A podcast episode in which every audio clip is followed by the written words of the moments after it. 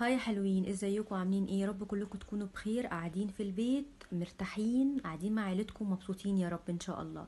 بس ما تاكلوش كتير علشان إيه؟ ما نضربش. طيب موضوع النهارده أنا يعني ما كنتش عايزة أتكلم عليه قوي بس أنا اضطريت إن أنا أتكلم عليه لأن لقيت الموضوع زايد عن حده شوية وخصوصا في ال social media. طيب الموضوع عن إيه بقى؟ إن إحنا دلوقتي الوضع الراهن اللي إحنا فيه موقف صعب كلنا فيه طبعا وكلنا حاسين بيه. والموقف ده آه، ابتدى يدخل في الجد. إحنا طبعا معروفين بخفة دمنا وإن إحنا بنحب نهرج المصريين كلهم وإحنا هرجنا كتير قوي في الفترة الأولانية بما فيه الكفاية. بس معقول لغاية دلوقتي في ناس كتيرة قوي بي... لسه بيتكلموا عن إن إزاي الصيف اتضرب وإحنا كده مش هنسافر بره ولا إيه؟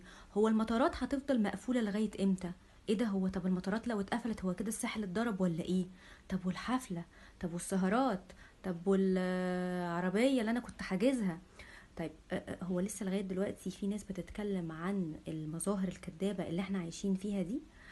ال- الموضوع ده أنا كنت متكلمة عنه في فيديو في ال- في الصيف كان اسمه قيمتك بذاتك مش باللي بتملكه. اتكلمت بقى طبعا في الصيف واللي بيحصل في الصيف وإن أنت لو أنت ما سافرتش أو ما حضرتش الحفلة الفلانية أو ما جبتش العربية اللي هي المفروض آخر موديل تبقى أنت كده low profile تبقى أنت كده مش style زينا يعني. أنت كده ما بتسافرش نفس المناطق فأنت كده مش زينا.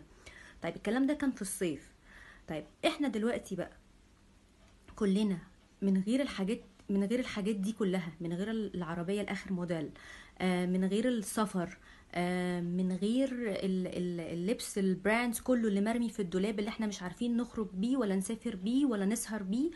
كل ده لو انت مش لو انت من غيره يعني انت كل الحاجات اللي انت بتملكها دي خلاص ما بقتش موجودة أو ما بقتش ملهاش لازمة ملهاش قيمة بلا قيمة.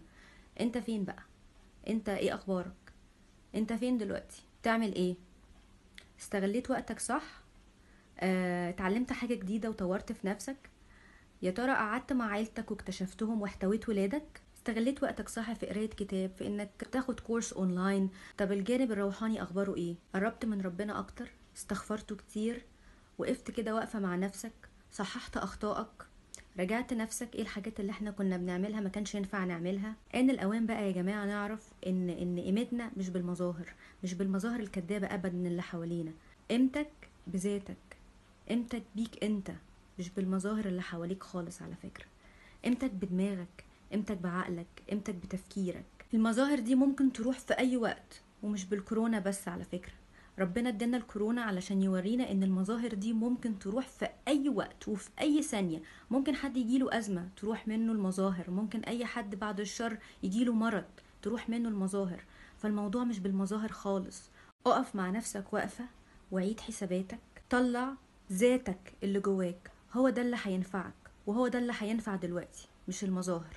المظاهر كلها هتروح وانت اللي هتفضل. ويمكن كلنا نكتشف بعد الأزمة دي لما تعدي إن شاء الله نكتشف شخصيات إيجابية فينا ما كناش نعرفها. نكتشف شخصيات ولا أهلنا عارفين عنها حاجة. عيلتنا تفرح بينا وولادنا يتشرفوا بينا مش بالمظاهر اللي عندنا.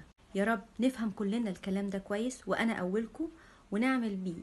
ويا رب الفترة دي تعدي على ألف خير ويا رب احفظنا واحفظ مصر واحفظ العالم كله وأشوفكم على ألف خير.